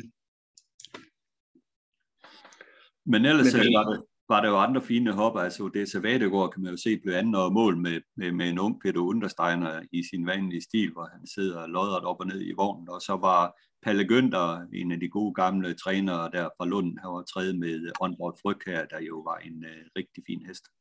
Ja, uh, Olivia, hun blev mor til, til Global Air efter Earthquake, der tjente 254.000, og Ina Air, også efter Earthquake, der tjente 195.000 men det er ikke en hoppelinje, som sådan er, er ført, ført videre. Der er en, der hedder Bellager Klintholm fra 2013, øh, efter Ina og Frække Frederik. Så, så, så det er sådan en hoppelinje, der er død ud. Ja. Men I hvert fald den gren. Ja. Ellers den, jeg husker for bedst fra feltet, det er jo på grund af min, øh, min skive-relation. Øh, det er jo Neska B, der var fjerde løb for, for Ben Svendsen. Hun var jo øh, ejet af Palle Høster og Per Falkenberg og var efter Malibu Hanov og øh, opdrettet af Leif Bundgaard, øh, som jo også, hun havde en, en bror, der hed Panzer B, som øh, var ejet af kredsen bag øh, Bastian Birker, og i ofte i løb var kørt af Sebo Kukken, en, en rigtig tonser, den her Panzer B. Og både Unesco B og Panzer B, de vandt omkring øh, 500.000 kroner i deres øh, karriere. Og Leif Bundgaard, han øh, var jo dengang øh, meget aktiv med masser af heste, blandt andet en, en dejlig hest i Lina B, men holdt så en pause for sporten, men er nu tilbage igen og havde jo en øh, vinder i Skive på den forrige løbsdag i Fabricio, i det han som øh, Ben Svendsen øh, træner kørte ved den lejlighed. Så han er stadigvæk med i, i sporten der, Leif Bundgaard, men øh, også øh, allerede dengang øh, var han øh, langt fremme med sin opdræt. Men øh, hvad jeg ellers øh, tog med mig fra, fra, fra det der videoklip, var jo, at øh, Lunden på det tidspunkt havde en meget stor tv-produktion, Øh, både med Kirsten Carstensen øh, i, øh, i studiet til at sidde og læse resultater op, men også et, et kamera i, i vindercirklen, hvor Claus Kok jo lavede øh, vinderinterview. Han var sportschef på, på Charlotte Lund Travbane på det tidspunkt, og, men blev jo så siden headhunted til, til Solvalder. Ja, men det, det så super godt ud, og det var virkelig den gang, hvor, hvor Lunden bare var førende i Danmark, hvad, hvad så nogle ting angår. Altså, der var det jo bare hovedet højere end, end, de, end alle de andre baner, når det gælder sådan nogle ting. Ja. Så, men uh, igen et uh, rigtig godt uh, gensyn med et, uh, med et gammelt klip, og vi håber bare, at de bliver ved, de her klip. Uh, ellers kan jeg da så for fortælle, at de uh, næste uge, hvis alt går efter planen, så har jeg et øh, interview med Claus øh, Boshoff, der jo er stedfortrædende, stedfortrædende direktør lige i øjeblikket i Dansk Hestevedløb og kommunikationschef i Dansk Hestevedløb. Ham har jeg et interview med i næste uge, hvis alt går efter planen. Men Carsten, det var snakken øh, for i dag. Nu kommer der et afsnit af B.S. Dyreberg, hvor vi taler om ligaløben i Aalborg, øh, hvor der var et par episoder undervejs, som, som kræver lidt øh, snak, festival og speed og, så videre, og vi skal også øh, snakke om, hvad det egentlig koster at øh, træne en travhest. Tak for snakken, det, Karsten. Ja, selv tak. Ugens aktuelle med B.S. Dyrberg, der starter vi med en snak om, hvad det egentlig koster en hest i træning. Jeg har fået en mail fra en af de trofaste lyttere, som har en anpart i uh, Gita Nørby, det der fine Tim Lund anpartsprojekt. Men han undrer sig egentlig over, hvad, hvad det egentlig koster en hest i træning, og uh, hvilke udgifter man kan forvente at uh, få i forbindelse med en hest i træning. Uh, og Ben, vi kan jo alle først starte med at uh, sige, at det er jo ikke nogen billig fornøjelse. Det er jo ikke noget for en almindelig lønmodtager at, at, at betale for en hest i træning. Nej, det, det kan man sådan set godt sige, men vi, vi er nødt til lige at tage en ting ind over det også. Det er sådan, at folk de har desværre en forventning om, at hvis de får en travhest, så skal hesten tjene penge. Det skal den selvfølgelig også helst jo, og, og kan tjene penge, og de kan næsten leve af det og have en hest mere. Jo. Køber de en ridehest og stiller herovre ved vores nabo på Skive Trav på Skive Rideskole, hvor jeg ved, det koster det samme i måneden at have en hest opstallet, som ridelærer, han skal, han skal træne, øh, Øh, som jeg tager, så ved de godt, at de kun kan vinde en, en grøn, blå eller rød roset. Der er, ikke den, der er ikke noget med, at man kan vinde penge i ridesporten. Så det er lidt, det er lidt ærgerligt, at man har fået det på sig, når, når det er travhest, så skal de tjene penge jo ikke. Men, men øh, nu lader vi det ligge, men så har jeg lige fået den med jo. Jamen det er rigtigt, men der er jo en ganske udmærket pointe i det, og uanset hvordan man vender dig, så er det jo en hobby, vi har med at gøre, og hobby, det koster det, penge. Det, det er det, man, man må aldrig glemme, at det er en hobby, men det er en dyr hobby. Og det, ja. det siger jeg altid til folk, især nye mennesker, der, der kommer ind og vil spørge om, hvad det koster at have hest og sådan noget. Men nu skal jeg prøve at give en forklaring på, Øh, hvad det i hvert fald koster at have en hest i, i professionel træning. Øh, jeg tager 200 kroner om dagen plus moms, og i det beløb, der er der jo øh, selvfølgelig foder øh, og pasning og træning af hesten. Så tilkommer der sko, dyrlæge, transport og lidt små diverse ting, man nu skal have fat i. Så jeg siger summa summarum, så koster det mellem 8 og 10.000 plus moms i måneden at have en hest, uden der er de store problemer. Ja, det er hvis man bare har en almindelig løbshest, men har man en hest, der skal meldes til overgangsløb og så videre, så kan regningen jo sagtens løbe op i, øh, i øh, 2.000-4.000 kroner mere. Jo, men det, det, det kan det. Det er også det, jeg siger. Altså, hvis man bare tager de der daglige, man, man ved, hvad det koster, så ligger det mellem 8 og 10.000, uden der har været problemer. Sådan. Og, og måske, øh, hvis du nu siger, at du har en overgangshest, det har du ikke efter, efter fem års sæson. Så hvis vi kalder det en almindelig hest, jo, ikke? Så, ligger, så ligger det på de der i udgifter på dem. Jo. Ja, hvad, hvad koster fire sko nu om dagen? Ja, der er, det, jeg tror, det ligger rundt 800 plus moms. Og det er cirka en gang i måneden. I, det, det, det bliver det året rundt. Ja. Selvom nogen holder seks uger, andre de holder jo også kun øh, tre uger. Jo.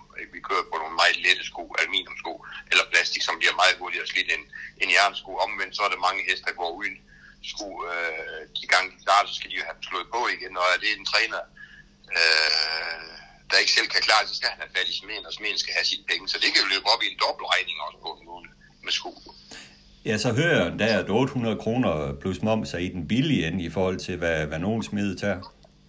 Ja, men det er ikke i den...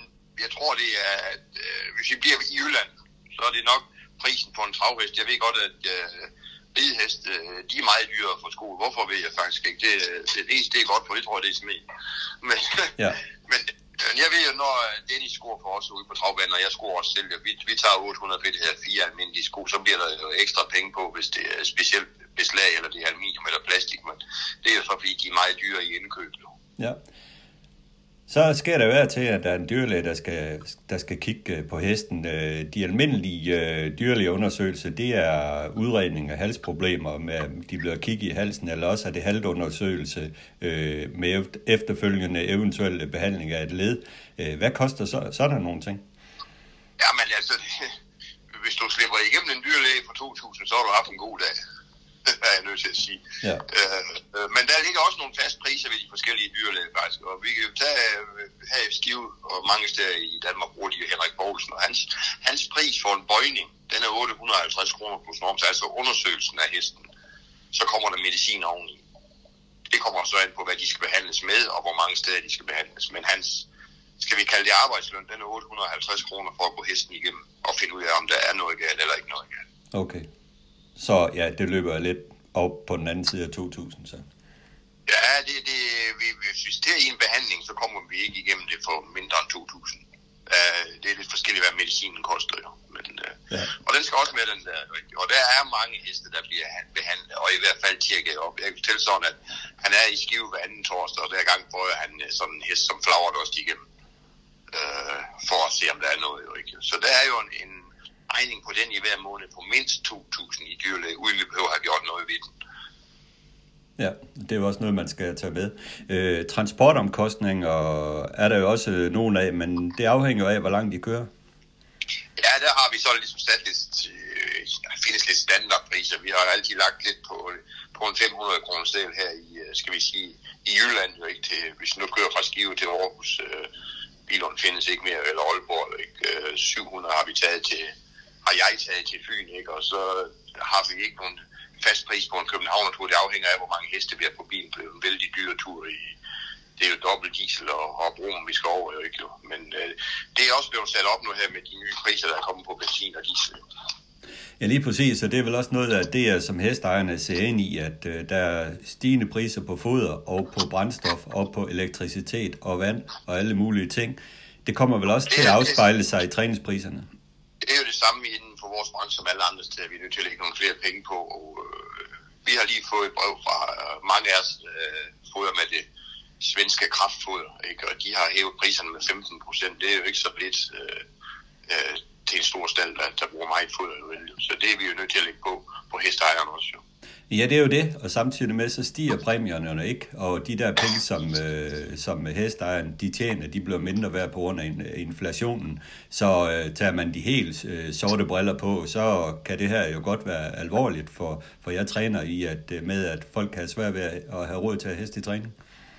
Ja, øh, nu er jeg jo ukulig optimist. Jeg tror ikke, det kommer til at røre os det helt store, fordi dem, de hestejere, der rent sagt er tilbage i dag, i har det virkelig for hobby og for fornøjelsens skyld, efter min mening, ikke? Og, ikke, og ikke kigger på pengene.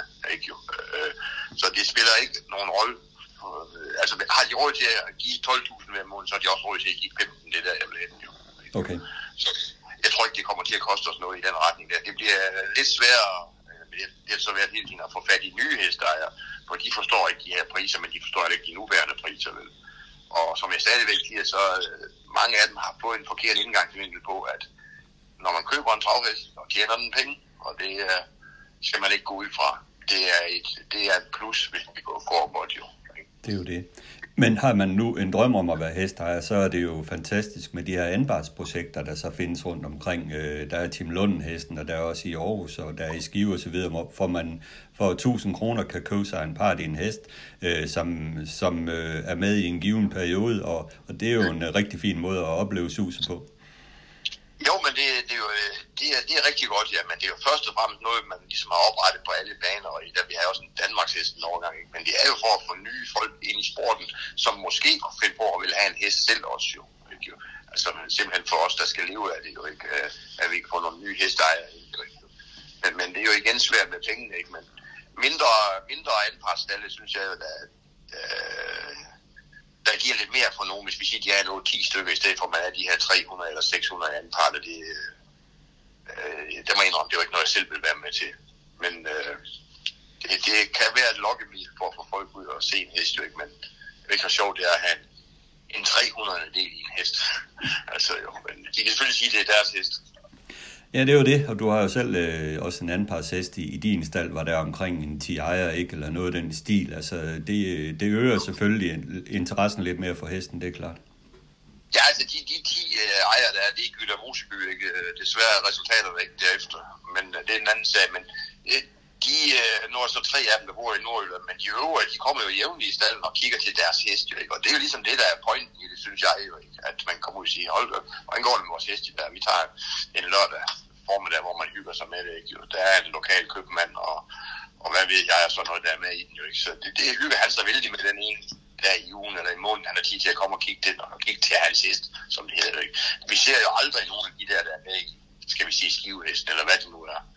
Øh, så er det lidt mere tæt på, når man kun er jo 10 stykker. Ja, okay. Og så kan vi lige huske, så er det også til at overse økonomisk, jo. Ja, men det er rigtigt. Altså, det er jo den der plovmand i måneden, man så eventuelt øh, skal... Ja, det er lidt forskelligt. Det kommer jo an på, i stedet på, hvor mange de er jo ikke. Jo. Ja. Men så du, øh, når man er med i de der øh, baneheste, så er det jo et engangsbeløb jo ikke jo. Men så er det også ligesom glemt igen, synes jeg jo, desværre. Ikke jo. Øh, Ja. men øh, jeg håber da, at det lokker nogle flere til. Ikke?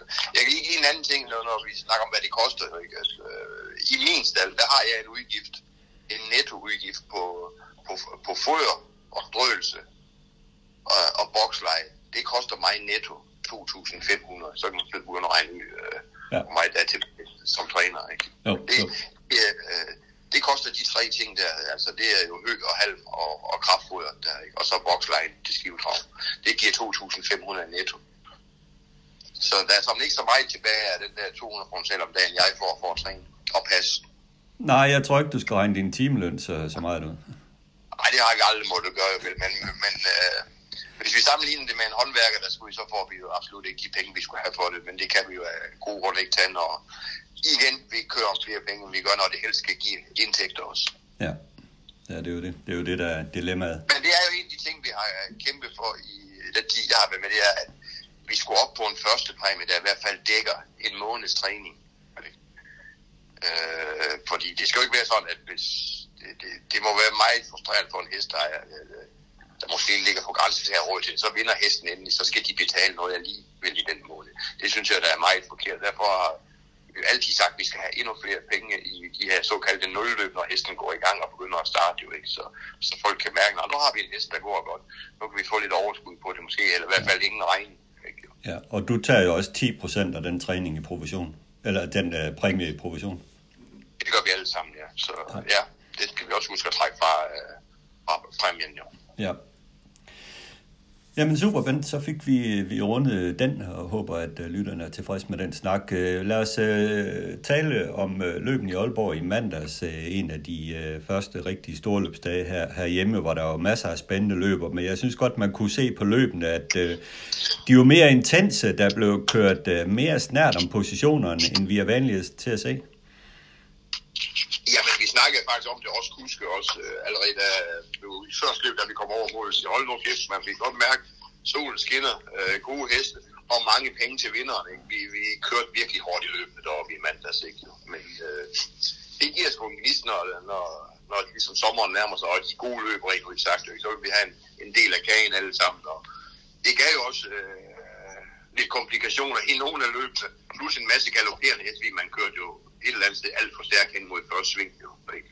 Og øh, det var for at få positionen og, og en del af kagen af de gode præmier. Ja. Uh, lad mig slå ned på Liga, Liga 1-løbet, øh, uh, hvor Festival of Speed var tilbage igen efter vinterferie og vandt i, i stor stil. Uh, det var en imponerende præstation. Du kører Common Hugo, og øh, synes jeg trænger sig ud i opløbet. Øh, du går ud og flytter Bo Vestergaard, der, der flytter sig ud i Flem Jensen, som hægter jul med sin hest og tager op i sine overmål, og derved måske mister en god placering. Og øh, via din manøvre, så når du frem til en tredjeplads i det, du får mødt dig ud fra inderbanen. Jeg synes jo, at øh, du slap det billigt med den her bøde på 800 kroner i bøde for, for træning. Hvad synes du selv? Og det synes jeg faktisk også. Jeg sagde, da jeg kom ind, jeg blev udelukket. Jeg tror, jeg mister... Nej, jeg ved godt, at vi ikke mister placeringen normalt. Det gør vi jo ikke længere. Jo. Men, øh, jeg var hård ved dem der. Det var mig, der startede den reaktion der i, i ren raseri over, at, at øh, jeg ikke kom ud rent ud sagt. Jo, ikke, det, begrunder, det gør jo ikke, at jeg har lov til at begynde at søge ud af, men skal vi kalde det, vi kørte meget professionelt i det løb der igen. Øh, Ja. nogle hårde? Og øh, hvis der skal være lidt, så svinger Sten Juhl måske lidt ud midt i opløbet, også med Festival of Speed, og han lidt ud og ind, ikke? og de der huller, der måske aldrig kom, dem søger man efter direkte jo ikke for at komme med. Og jeg hang på en træt uh, Red Bar jo ikke, og uh, Bosager, og det kan ikke lade sig gøre det, at jeg, jo, vi kører helt til stregen, ikke? så jeg griner lidt af det bagefter, ikke? Så, men uh, det, Ja. var, det var hårdt, og havde jeg fået tre dage, havde jeg ikke skilt Nej, det var virkelig på de små marginaler. Jeg var nok sige, at øh, jeg så opløbet flere gange. Altså. Flemming fanger jo Bo's jul, at uh, han sætter sig ud. Ikke? Han havde jo ingen udvendig for sig, Flemming i hvert fald. Jo. Så, så hvorfor det lige lykkes for ham at, at, at fange den op, det ved jeg ikke. Nej, men hans reaktion synes jeg også er lidt øh, voldsom. Han kunne jo godt lige have kørt med til stregen, i stedet for lige at øh, tage, tage hårdt op i den og for at komme fri kort for mål. Ja, han blev også forbandet jo ikke, men det, det tror jeg, det var på sig selv. Altså, som jeg siger til dig, så har han jo ikke behøvet at... Ej, jeg ved det ikke. Altså, det, det her, det var jo over en længere stræk. Det var ikke noget, vi lavede på 20 meter, det her. Jeg begynder jo at det som en plads, da vi svinger ind på lige banen og kan se, at ret bare er tomt jo ikke. Og øh, jeg sidder med nok og kører med. Øh, begynder hele tiden at søge mere og mere ud, øh, som, som vi nu kan gøre jo. Ikke, jo. Ja. Og øh, den, synes jeg, den synes jeg rent udsagt Flemming burde have været med på jo. Ikke? Øh, når han sidder ude i tredje spor og har ja, i og for sig frit løb. Jo, ikke? At han, at han så fanger Bo Hjul til sidst, så er det klart, at håndbremsen den bliver trukket. Folk de siger, hvorfor han holdt med at køre, men det var jo af den simple grund, at han ikke kunne køre derfra. Jo. Ja, Ikke, jo. ja. Men, Ja. øh, Men du sad med, du sad med full hands der. Ja, men han er klar Hugo i øjeblikket, øh, og han er nok endnu bedre for ryggen, han er, når han går spids øh, omvendt. Så vi skal lige tage ham, så var det jo en vældig hård åbning i København gangen inden, ikke jo. Øh, så der, der måtte han godt gå lidt ned, jo ikke, men øh, jeg sad med alle de beholdet. Ja, ja. sådan var det. Ja, men øh, jeg sætter, sætter pris på din ærlighed her, Bent, øh, fordi at, øh, så er vi da i hvert fald enige om den situation, at den kunne godt have, have udløst en, øh, en diskvalifikation eller en deklassering. Jo, jo, men det er jo igen, det, det, vi, vi er tit galde på dommerne, når de, når de gør det modsatte og siger, der var sgu ingenting og sådan noget, ikke? Så, så er vi nødt til også at sige, når, når den er sådan, historien, ikke? så er den jo ikke længere. Vel? Nej, nej. Det, når de ser det på filmen, og øh, Ja. jeg har også set ikke på det fem-seks gange, da jeg kom hjem, jo ikke, det er vel ikke sådan. Jeg ved sgu ikke rigtig, om den ligger til det, vi snakker om. Der, vel? Altså, jeg synes, at vi flytter hinanden lidt, men det ændrer vel ikke det store på... Jo, det ændrer for Flemming, der fanger Bo's hjul, men Bo er trods alt foran mig i mål. Jo. Ikke, jo. Men kører du ikke ud, så sidder du og bare klistret i ryggen der på Red Bar og kan sidde med en Ja. næse. Jamen, det er sgu rigtigt. Sådan er det. Den, den er så alle de her plankeværksrytter, de har ret dem, der har spillet. Dem, der, Men der kan jeg i hvert fald sige, sige at jeg har ikke spillet. så, de kan få, de kan få en, de kan få en uh, lille Jan Uleberg her og sige, har de ikke råd til at tabe til, de lader være med at spille. ja, præcis. Og den er god nok. Øh, men, men, men lidt øh, det her med at køre amerikanervogn eller ikke amerikanervogn, der synes jeg, at man så en situation, et par situationer i Aalborg, hvor det har betydning. Altså, med Common Hugo, du kører aldrig i amerikanervogn. Du skaffer dig plads til at gå ned i ryg på, på, på en hest, og der var fin plads til det, ingen problemer der.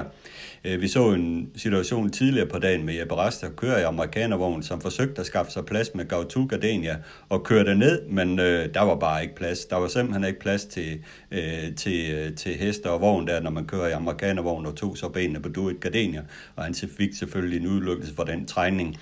Øh, så det har altså betydning, i hvert fald når man søger sig ned i ryg på føreren, når man kører vanlig vogn eller amerikanervogn, ser det ud til.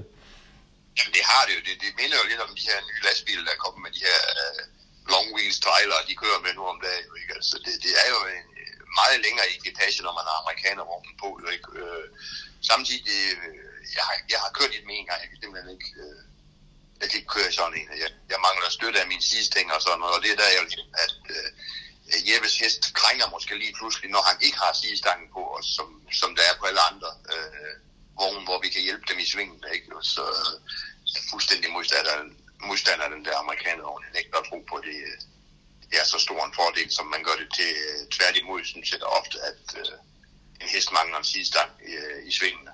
Men øh, det er jo smagsag.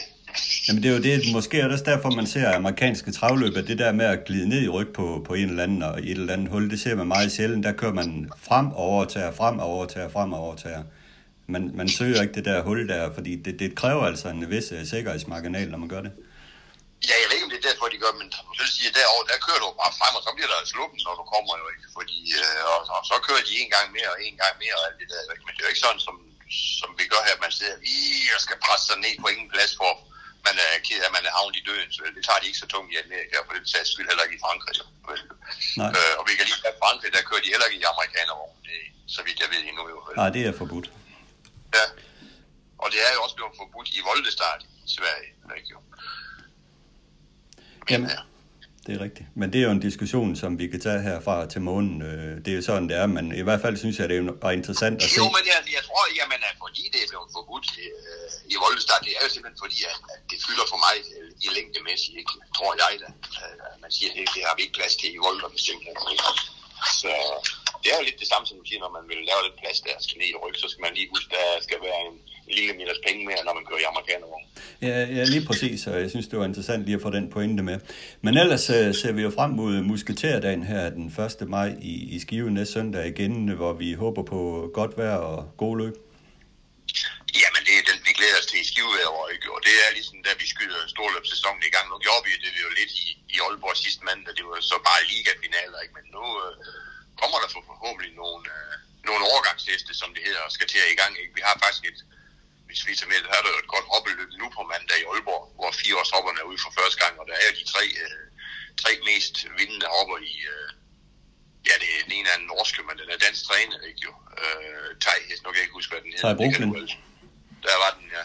Der er tjent over en million, og der er jo uh, Go On Gardena, der er Golden CN. Uh, de får selvfølgelig ikke meget bedre end de tre hopper, i hvert fald med indtjening. Jo vel. Så det er allerede derfor, vi er lidt en indikation om, hvad, hvad der skal ske resten af året. Jo, ikke? Og så må vi se, om nogen af dem kommer ugen efter igen i, uh, her i Skive. Uh, ja. Rusland, eller er der Golden CN, uh, hvis den er som den skal være, så går den ud i, i Skive igen uh, næste søndag.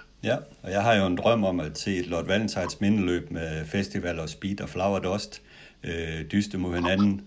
Øh, det er jo min drøm. Men den får du ikke i opfyldelse. Fordi at du vil ikke med, eller hvad? Jo, der er en anden en, der ikke vil med. Ja, Sten. Nej, jeg har, jeg har spurgt dem. Den skal ikke starte der, de. Så. Okay. Nej, det ved man aldrig. Men det sagde både ejerne og Sten faktisk til mig. De havde andre opgaver i sigte. Ja, men jeg havde også på mistanken, altså Sten af en eller anden årsag, så er han ikke øh, særlig glad for at starte i de der musketerløb med hans øh, overgangsheste. Nej, men de ligger måske lidt for tidligt. Så, øh, når det så lige nok det her ligger godt lige, når det er femåringer, kan man jo ikke sige, at de skal nå noget. Men, men tre og fireåringerne, de er så aldrig været gode til at komme med de helt stjernerne der. Vel? Og øh, der er ikke noget, der indikerer, at IFU kommer med Garfield eller nogen ting. Vel? Så nej, det, øh, men der kommer gode heste alligevel, håber vi ikke. Det er godt, altså. Kommer, der kommer en rimelig god hobby i Lord Valentines. ja, ja, det er jo det. Så, så må vi jo nøjes med hende. ja. det er godt, Bent. Tak for snakken i dag. Tak fordi du tog dig tid til at lytte til Travsnak i samarbejde med Travservice. Har du input, idéer, kritik, ros, ja hvad som helst til podcasten, så giv mig en mail på adressen henrikdyrberg